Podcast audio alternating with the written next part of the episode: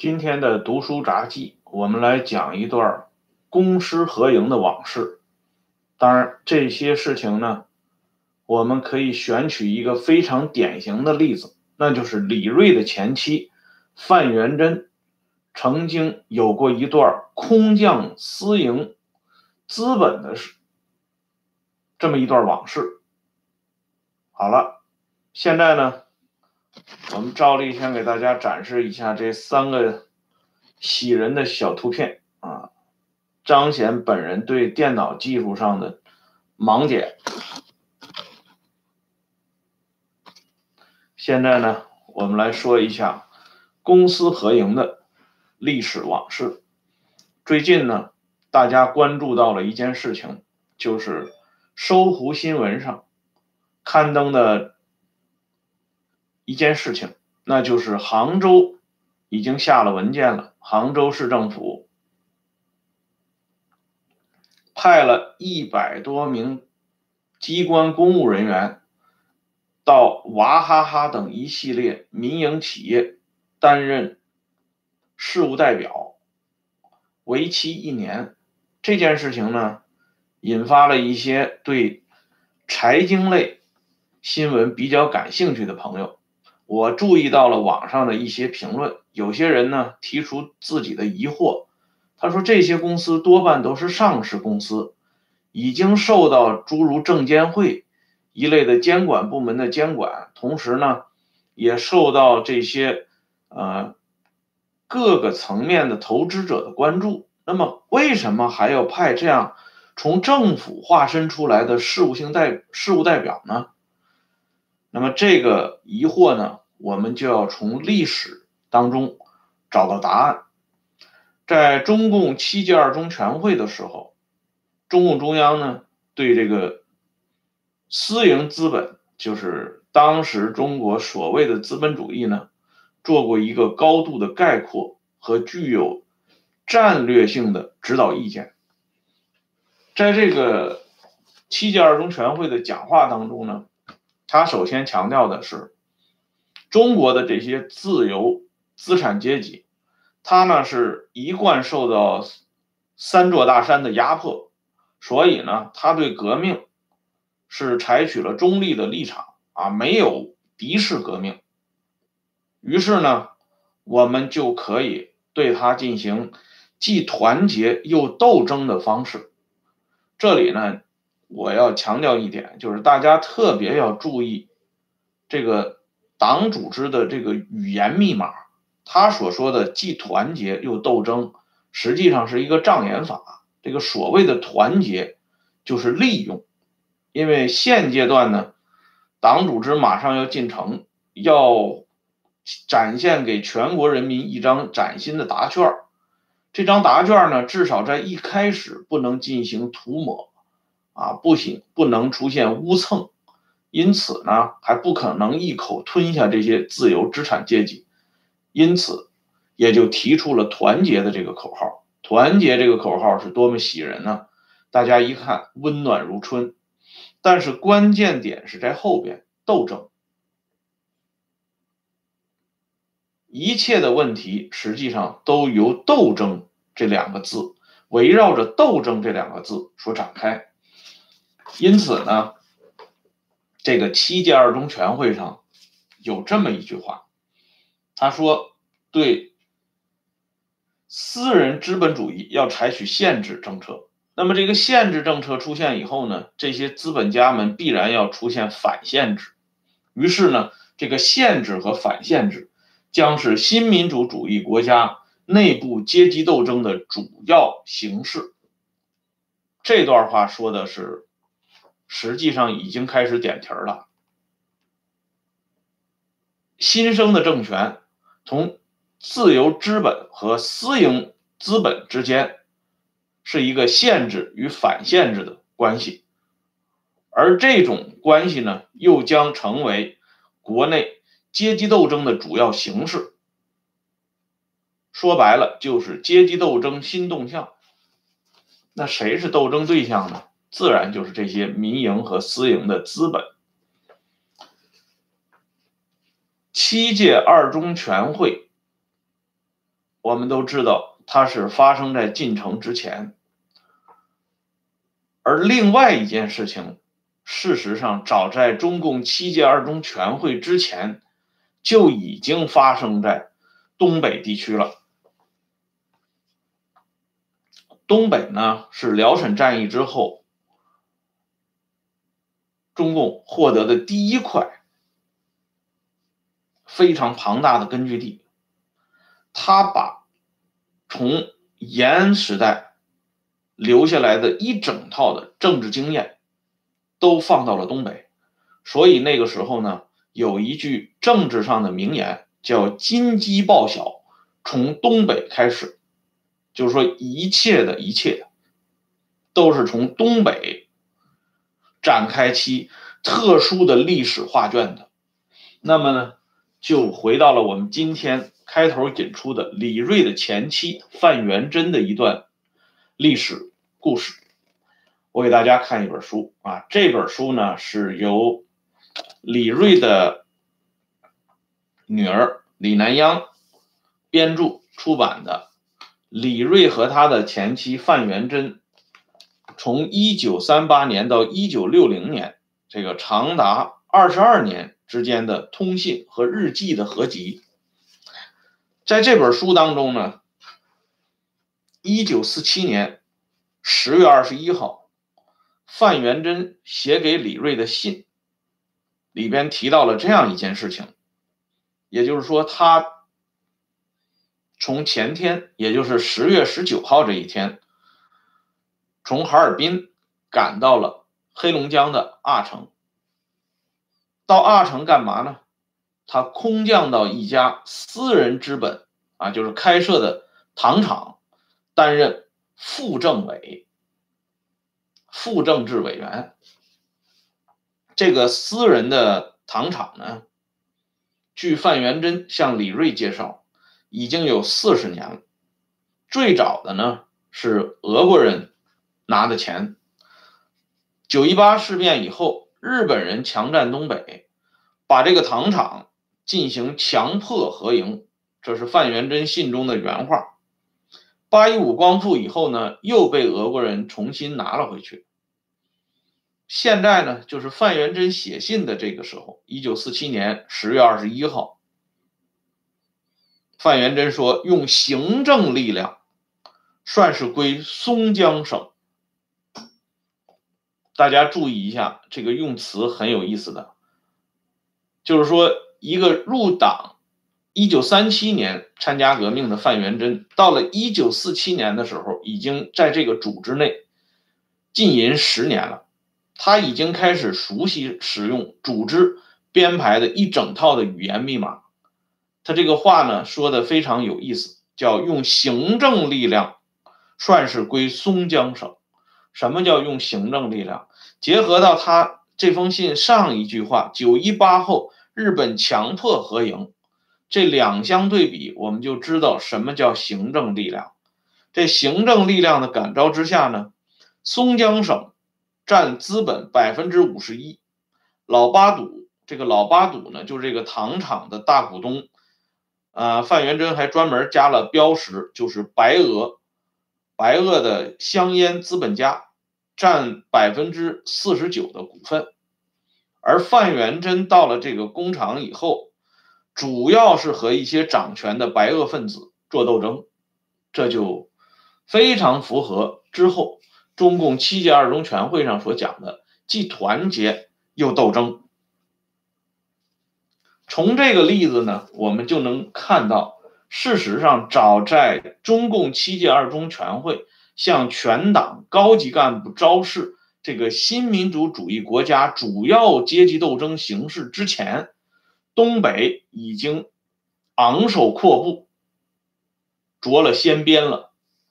这范元贞的使命就已经昭示出这这个含义了。范元贞到了这个糖厂之后呢，奉命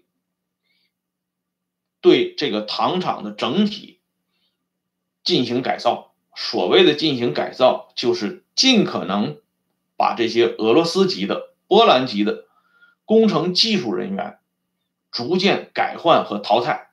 因为这些人呢，在范元贞给李瑞的信当中已经透露了，这些人在党组织看来，他们是无法进行思想改造的，这个脑子完全洗不过来。既然不能团结，那就只好斗争。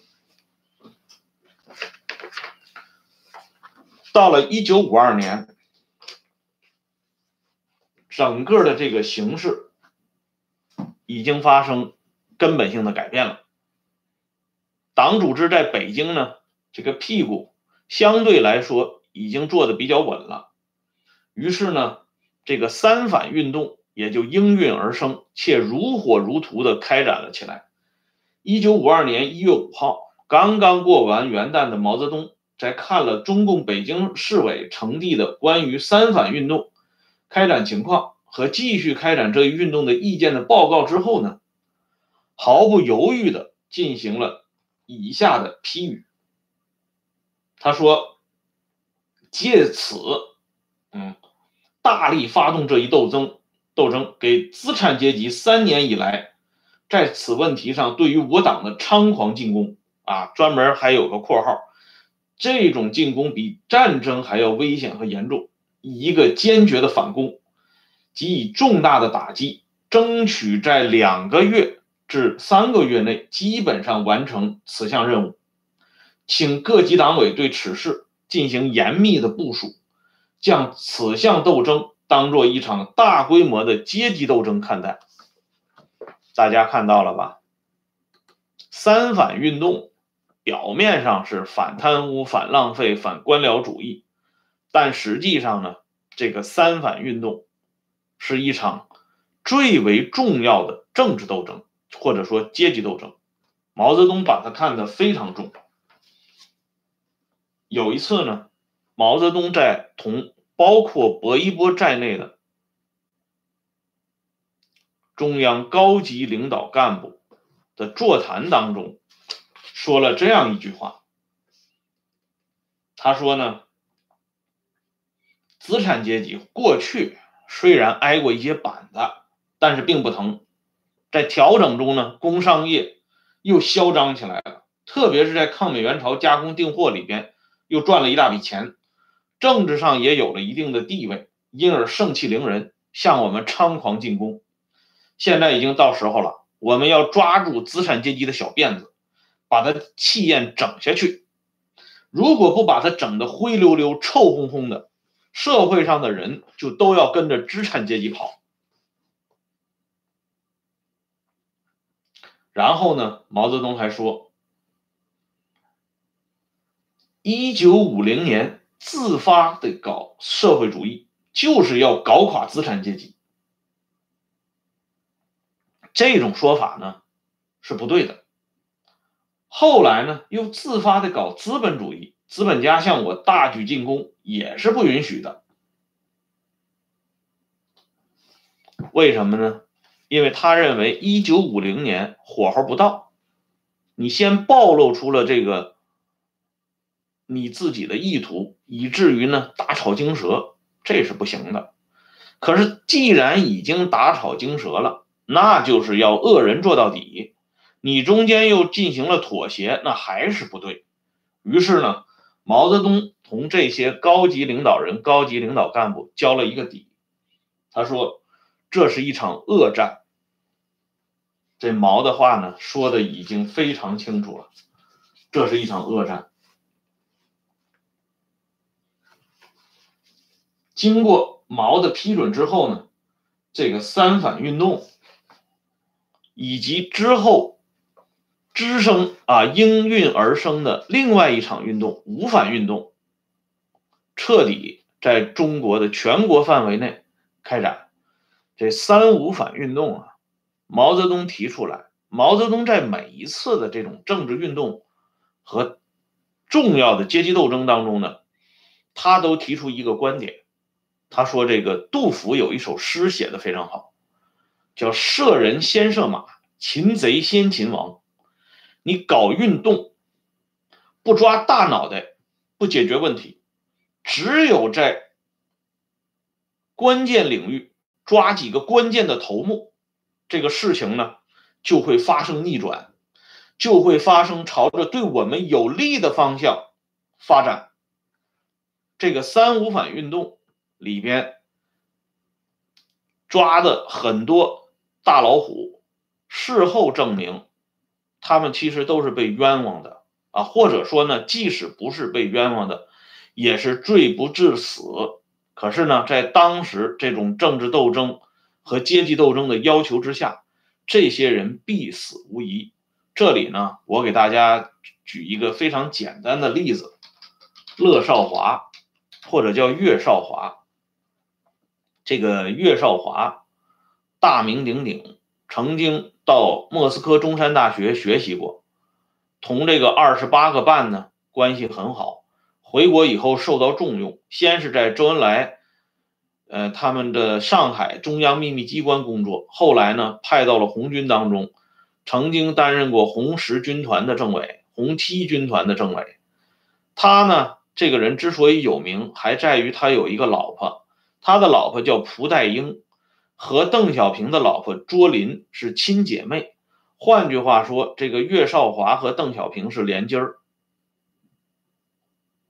这个岳少华在开展三五反运动的时候，当时他是东北局军工部副部长啊，工业部副部长兼军工局局长。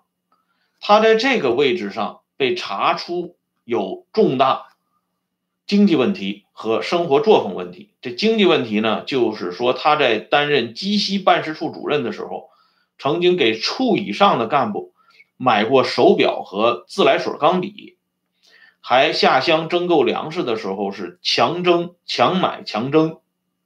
这生活作风问题呢，他是诱奸保姆，这个保姆呢是个日本人。总之，这两个问题最后呢，导致这个岳少华被迫开枪自杀。自杀以后呢，中共东北中央局决定开除岳少华的党籍，认为他自杀行为是一种反党。这件事情呢，一直到了一九八零年，在有关领导的关心和干预之下，中共中央组织部呢重新做出评价，把岳少华呢。这个事情又给翻了过来，认为呢这些，啊之前加诸在他身上的罪名呢不能够完全成立。最有意思的是谈到他诱奸保姆这件事情，说他这个保姆呢是日本人，后来这个人下落不明，无从查证，于是呢也就死无对证了。从这个从这个岳少华遇难就可以看出，当时三五反运动。这个打击面是相当之广的，而且呢毫不留情面。不过呢，他的这个矛头所指还是从旧日的这个政治历史恩怨上找，因为这个岳少华是属于留苏留苏派的，所以呢他被当成出头鸟来打，也是别有一番深意的。我们举这个例子就可以看出来，当时三五反运动的这种。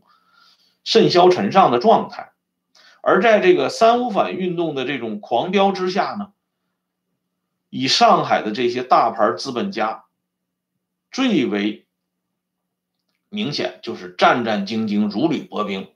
你像这个荣毅仁，这是上海当时最大的民族工商业者，他当时那个情况就相当微妙和尴尬。这薄一波呢和陈毅。考虑到荣毅仁的身份和地位，以及这个荣家以往对中国工商业的影响，就把这荣毅仁呢定为基本守法户。啊，这实际上在薄一波和陈毅看来，已经属于网开一面了。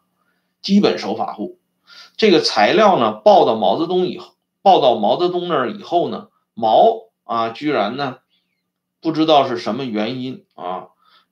善心大发，批了一句话，说呢，你们也太小气了，定什么基本守法户，就定成完全守法户了。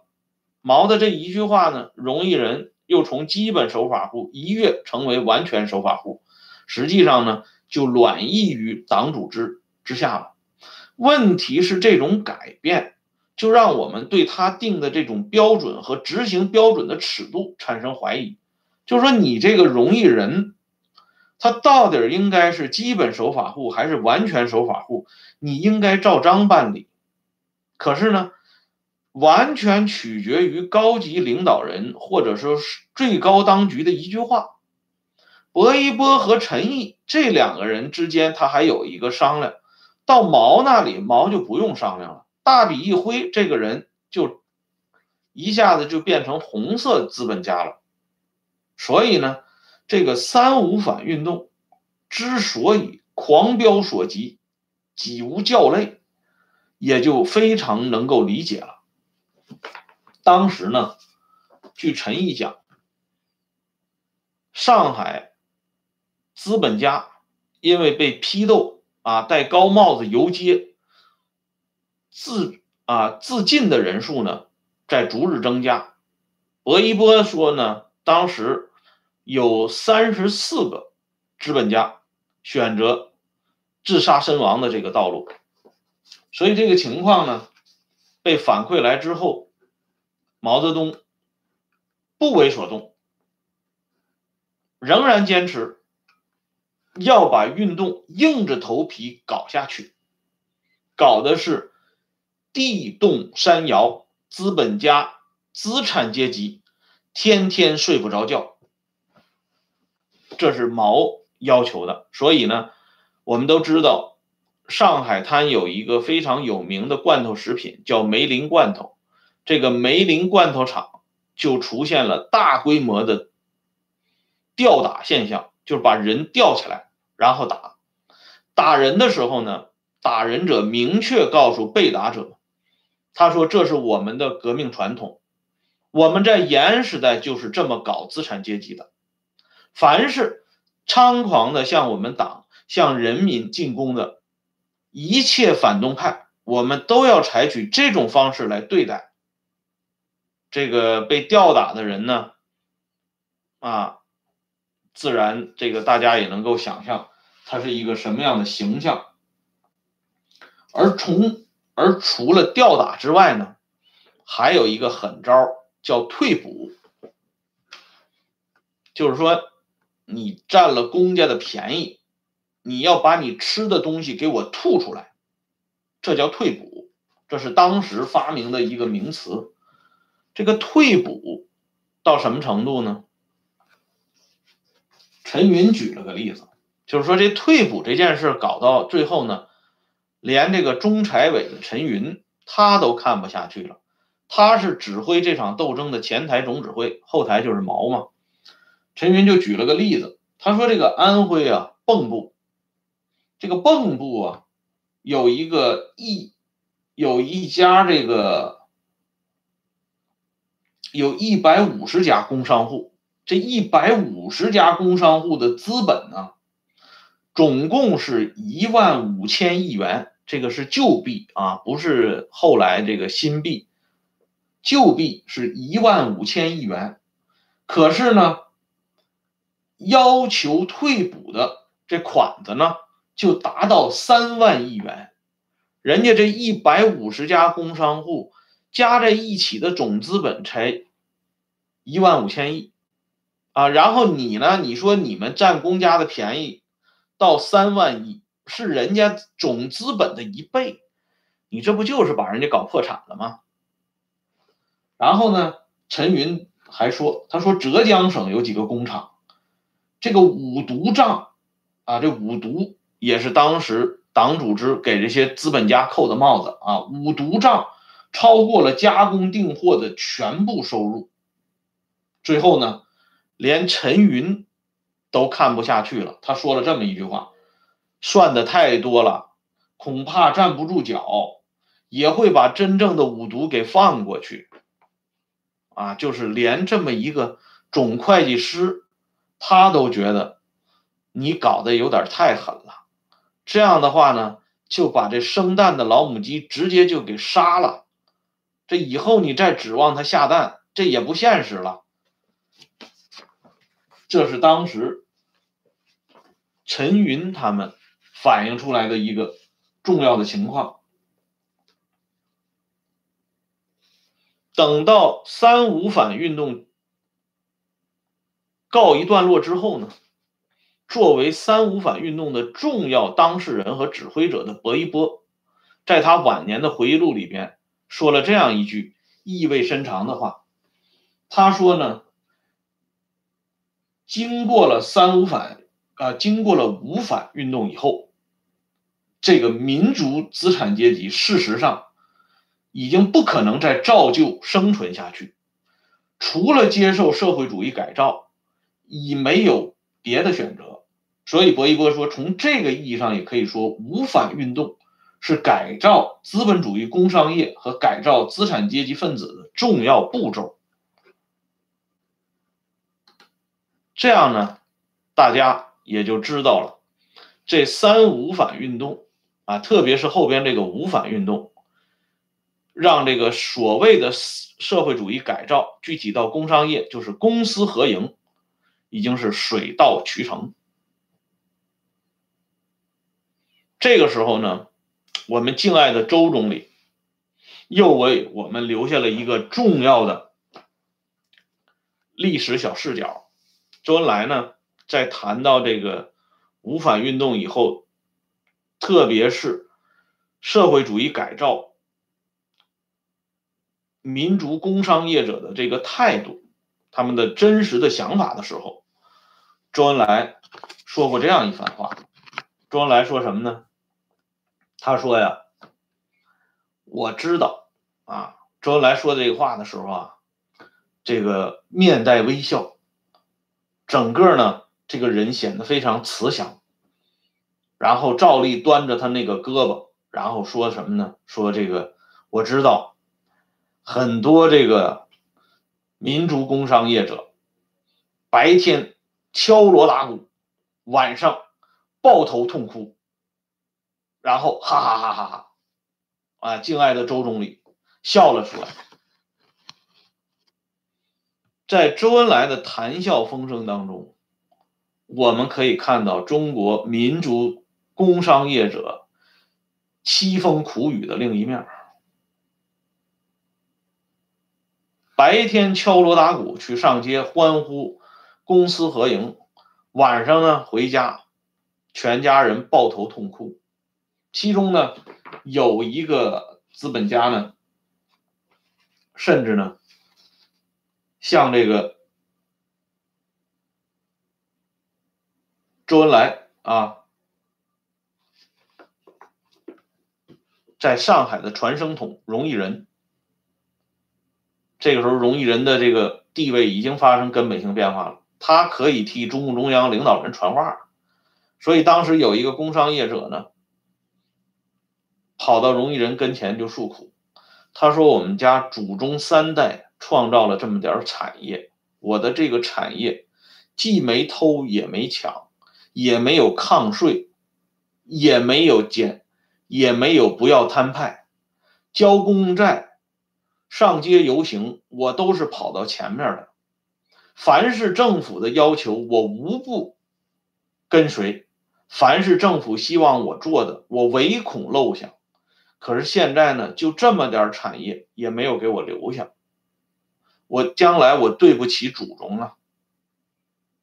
这容易人呢，就把这个话原封不动的传传给了周恩来。周恩来呢？就把这件事情给举了出来。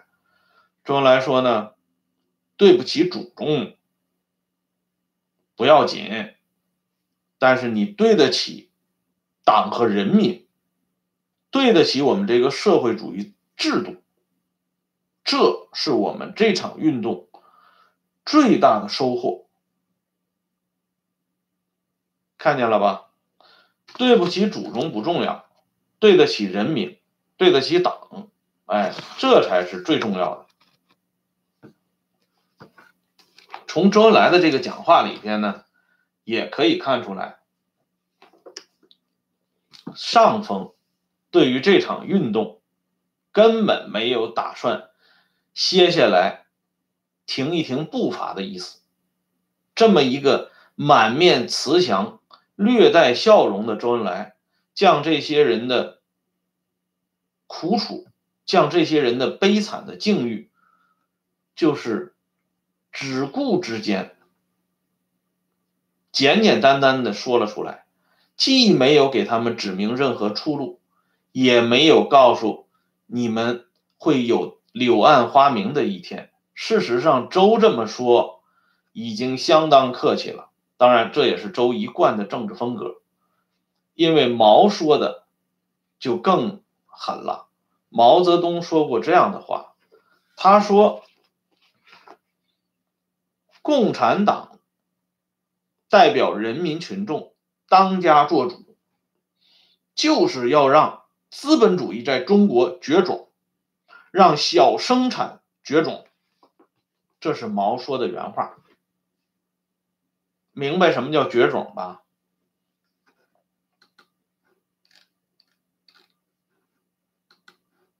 可是呢，毛说的这番话，到了一九五六年，这个已经实际上事态呢，基本上已经是大局底定的状态。毛到上海同这个工商业者座谈。这场座谈里边呢，毛呢谈笑风生，啊，相当诙谐幽默。在这个谈话里边，这些工商业者实际上已经是满脑袋大包了，啊，自己的财产呢丢的丢，垮的垮，都改成了定息了。啊，这个时候呢，毛泽东突然说出这样一番话，他说：“啊，可以开设私营大厂，定条约。”十年、二十年不没收，华侨投资的二十年、一百年不要没收，啊，一百年不要没收啊！可以想到邓小平后来不是讲一百年不要动摇吗？啊，这人家是一百年不要没收，可以开投资公司，啊，还本付息，啊，可可以搞国营，也可以搞私营，可以消灭了资本主义，又搞资本主义。这是毛说的冠冕堂皇的话，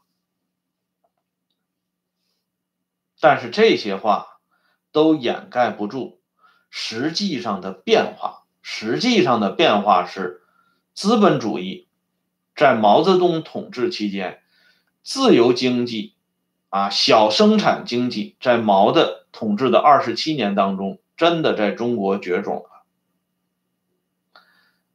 曾经经历了多年的风风雨雨的这个民族工商业的这头肥猪呢，在毛泽东手中直接给送进了肉联厂，化成了相当一部分人的盘中餐和囊中物。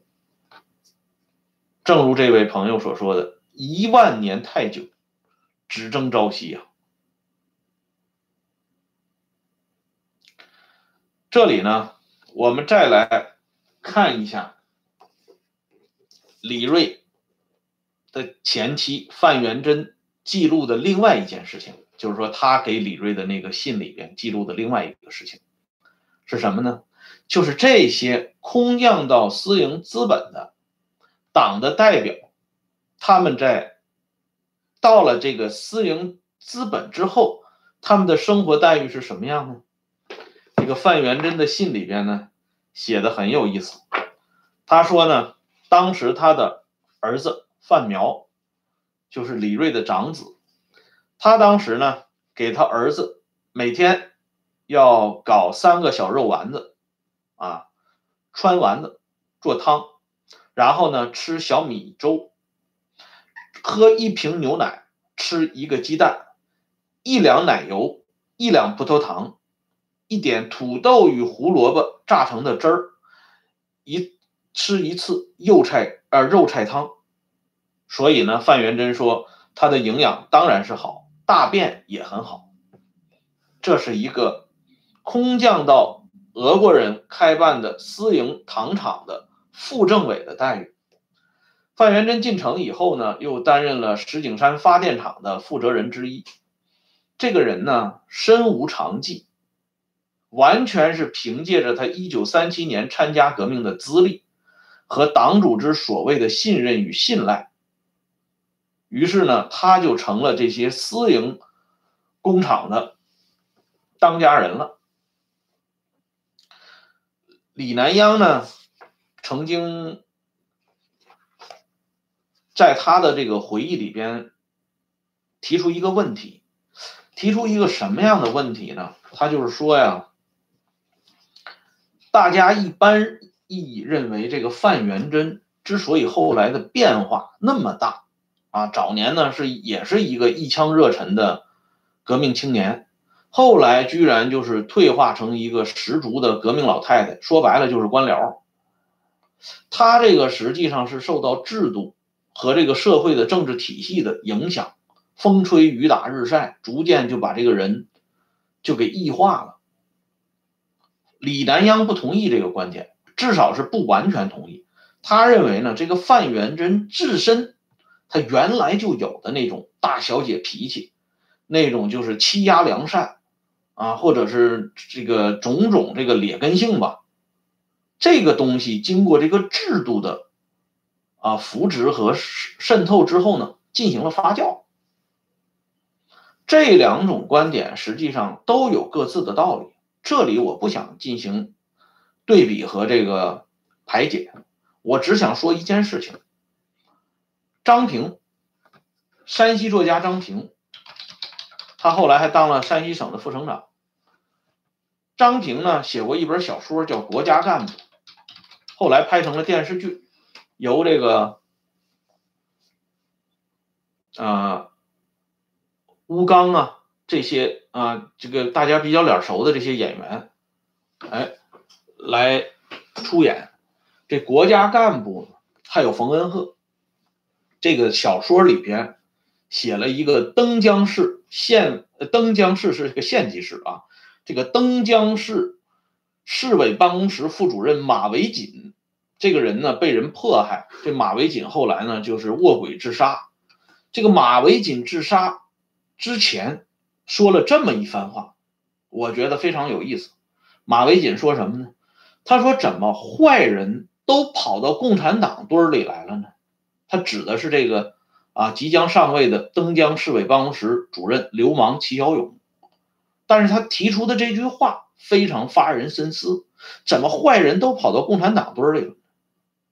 这就是我要说的这个事情，就是说范元贞这么一身毛病的人，怎么就到了共产党的队伍里？怎么就一度让这个党组织把他当成香饽饽一样对待呢？这个事情。是我们今天的题外话，当然还有一个题外话是范元贞向我们提供的，呃一一一个资料，就是一九五一年十月二十九号，他给李瑞的信里边，他说呢，新组建的轻工部部长名义上是黄炎培，啊，这是民主人士，副部长呢王新元是过去的山东中纺公司经理，这个人呢是。党组织派到中纺公司的地下党，副部长龚引兵是秘密党员，办公厅主任是老干部，干部处处长钱希军。钱希军是谁呀？那是毛泽东的曾经的弟妹钱希军。你看看她的丈夫是谁，大家就知道了。而这个部里头最关键的就是这干部处，这个轻工部表面上是。黄炎培当部长，而实际上呢，既有秘密党员，也有地下党员，还有毛泽东曾经的弟妹。实际上，这个轻工业部到底掌握在谁手里，大家也就很清楚了。而公私合营这个怪胎，为什么这么早就给放了出来？从轻工部的这个构架上，我们也就能够看到，我的是我的。你的还是我的？为什么要公私合营？为什么要进行社会主义改造？陈云说的最清楚。陈云说什么呢？陈云说：“你多赚了钱，我就要想办法把它拿回来。”这个话呢，到了九十年代。我参加这个中国资本市场十年发展纲要起草的时候，还有人在重复陈云的这句话。他说：“陈云同志的这番话高瞻远瞩，用现在的流行语言就是盘活存量，用好增量，所以呢，事情从来都没有变过，全国一盘棋，甚至可以说历史都是一盘棋。好了，今天的节目呢说的有点长，但是呢把这件事情总算是给他说了出来，大家呢可以对照一下历史。于是呢，就能够解除了一些疑惑。下次节目呢，我们接着聊。谢谢大家。